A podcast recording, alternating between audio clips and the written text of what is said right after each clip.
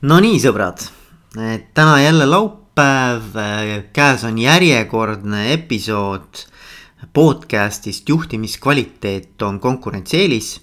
minu nimi on Veiko Valkjainen ja tänane teema on eduelamused. et üks selline huvitav valdkond, mida ma oma coach itavatega äh, kindlasti alati ka puudutan, on äh, arusaamine ja teadlikkus sellest, et millal ma tunnen ennast edukana.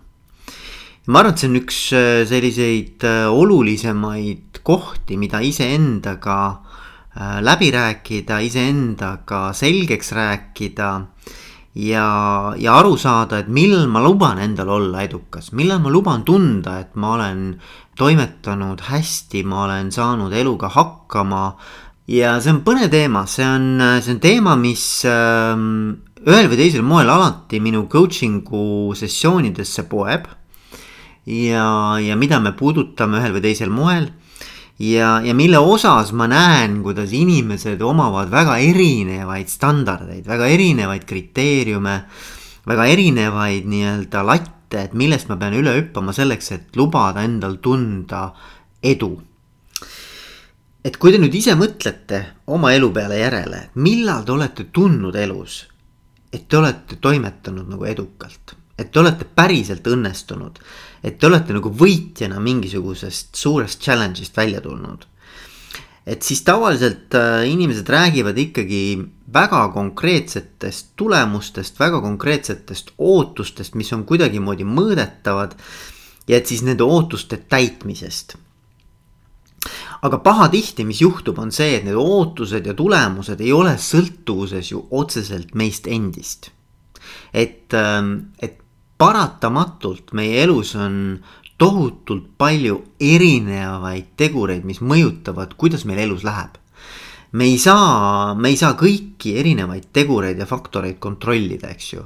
ja seetõttu see, et ma näiteks jooksuvõistlusel ei saavutanud esimest kohta või ei tulnud esikümnesse või mis iganes teie eesmärk oli, eks ju. et siis see ei tähenda tegelikult, et ma ei võiks tunda ennast edukana. ma arvan, mitte keegi ei vaidle sellega, et need konkreetsed käegakatsutavad, mõõdetavad tulemused äh, ei oleks olulised, loomulikult on olulised. kuid minu fookus ja minu selline nagu tähelepanek on pigem sellel, et mida teeb meie emotsionaalse meeleseisundiga olukord, kus me tegelikkuses oleme nagu panustanud täiega, aga mingitel X tingimustel, X põhjustel ähm, see tulemus ei ole ära tulnud, mida me siis nagu tegelikult tahtsime. et kas see on põhjus selleks, et tunda ennast ebaõnnestununa? Ma arvan, et mitte. samamoodi võib olla niimoodi, et me tegelikult ei peagi väga pingutama ja me saavutame tegelikult väga häid tulemusi. ja just nimelt seetõttu, et mingid kolmandad faktorid mängisid selles rolli. me ise ei teinudki väga palju, me ei pidanudki tegelikult endast kõike andma. me saime oma tulemuse kätte ja saime veelgi rohkem, ilma et me oleks nagu väga palju vaeva näinud. minu küsimus on, et kas sa siis oled olnud edukas? Kas see on tegelikult nagu edukuse mõõdupuu?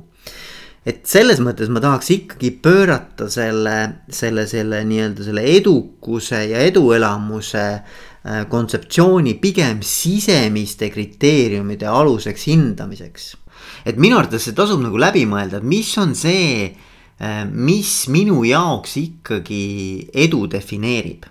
et kindlasti ma ei soovi sellega praegu siin öelda, et me ei vastuta selle tulemuse eest, mida me saavutame. ikka vastutame, muidugi, vahet pole, mis olid need erinevad tegurid, mis selle tulemuse siis selliseks äh, lõpuks kujundasid, nagu ta tuli, eks ju. Ehm, aga pigem on küsimus, et milline on minu meeleseisund või milline on minu emotsionaalne seisund pärast seda, kui ma olen selle soorituse nagu ära teinud või ma olen nagu oma, oma pingutuse ära teinud, et äh, ükskõik, mis see tulemus on, olenemata tulemusest, milline on minu meeleseisund ja see on minu arvates oluline küsimus. küsimus on selles, millal ma luban tunda ennast edukana. kas, kas see tulemus defineerib selle, milline on minu meeleseisund selle pingutuse või selle nii-öelda soorituse järel. siis, siis, selles osas ma pigem viskaks küsimärgi õhku viskaks sellise arutelu teema õhku, et kas see on see, mis tegelikult defineerib, kui edukas ma olen. mul on üks sõber, kes ütleb minu arvates selle kohta super hästi. ta ütleb nii, et sa oled top kolm protsendi seas, kui sa üleüldse lähed harrastussportlaste võistlusstarti. et selles mõttes oled sa kõva tegija juba siis, kui sa ajad ennast stardilävepakule. et sul ei olegi rohkem vaja, sa oled siis juba võitja, et sa oled siis juba tegija. see on päris hea näide sellise adekvaatse perspektiivitunde tekitamiseks, et, et saada aru, et millal ma päriselt võiksin lubada endal tunda, et ma olen olnud edukas. ja kui siit veel natukene samm edasi mõelda, siis ma julgeks isegi öelda niimoodi, et edukana võiks me kõik ennast tunda sellisel juhul, kui me oleme andnud endast parima. ehk et kui mina olen selle soorituse, pingutuse või mis iganes see väljakutse või challenge mul on olnud, eks ju. selle heaks teinud enda parima, andnud sada kümme protsenti endast. pannud välja kõik, mis mul sel hetkel oli anda ja, ja pannud käiku kõik oma parimad oskused, võimed ja kompetentsid, eks ju.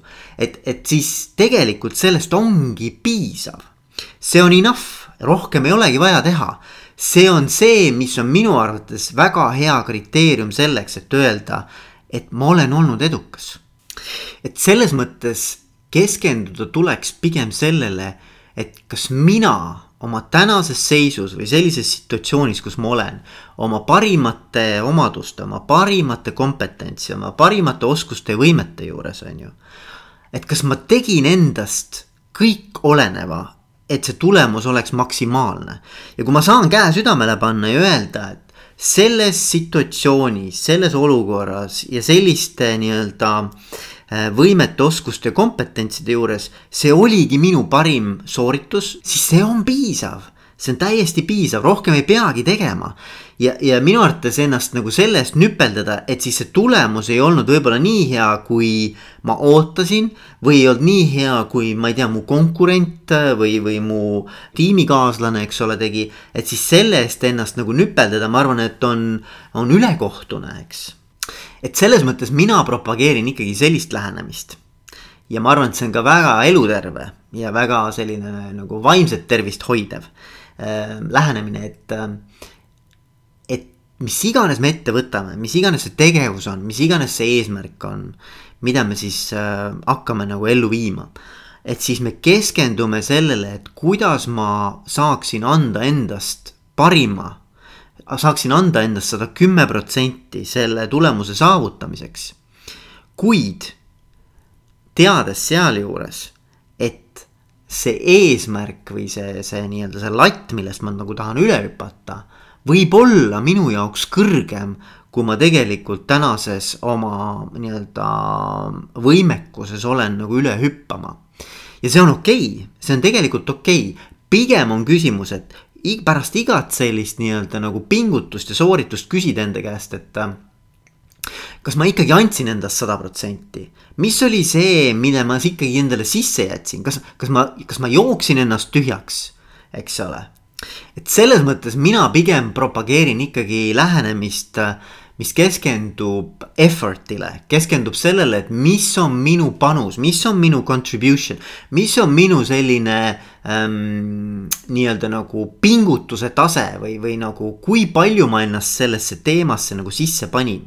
kui ma ennast annan nagu sada kümme protsenti kui ma tegelikult teen endast nagu maksimumi, mis mul hetkel anda on, siis, siis see ongi piisav selleks, et tunda ennast edukana. ma arvan, et kui sellest aru saada, nagu päriselt aru saada ja omaks võtta, siis tegelikult muutub elu palju lihtsamaks, elu muutub palju kergemaks ja, ja sa saad ka tunda tegelikult sellist eduelamust ja väikseid selliseid võite pidevalt, sa ei pea selleks tegema mingeid üliinimlikke pingutusi. ja veelgi enam, ma arvan, et see aitab tuua meie fookuse sellistelt välistelt erinevatelt standarditelt ja kriteeriumidelt.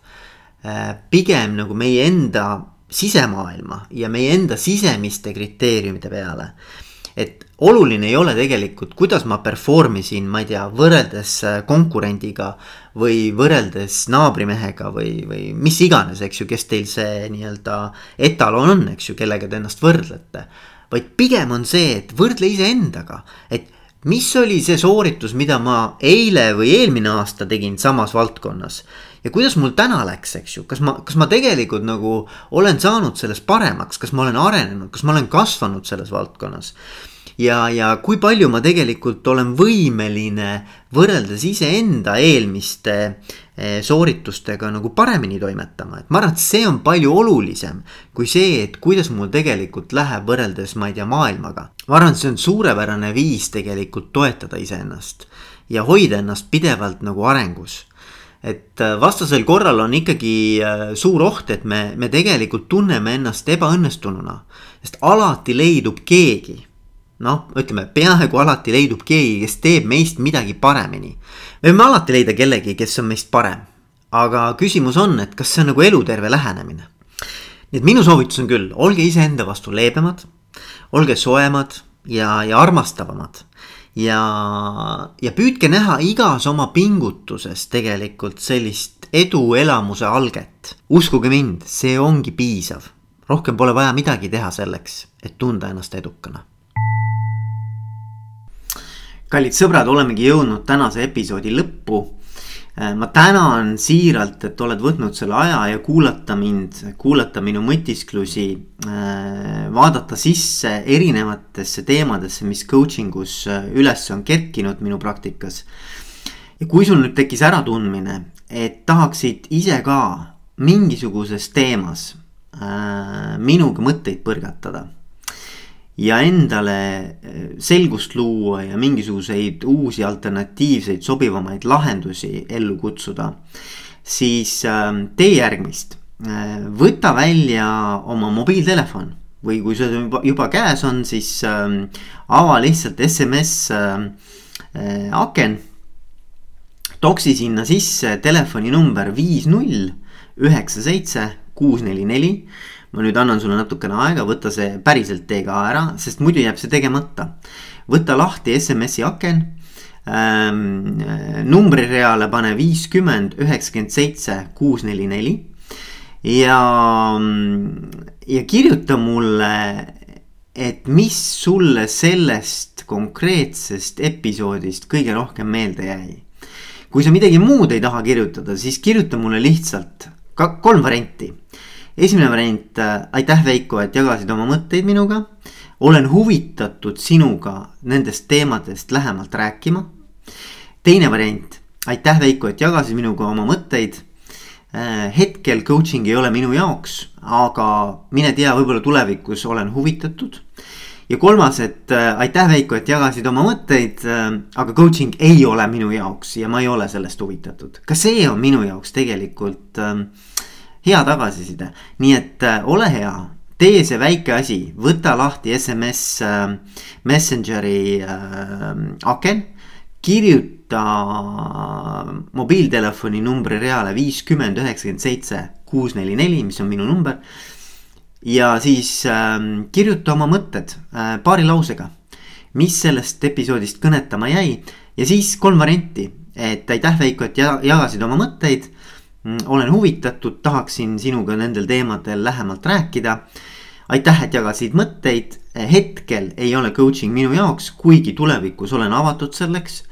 Ähm, ja kolmas siis, et aitäh, et jagasid mõtteid, aga äh, ei ole üldse huvitatud coaching ust.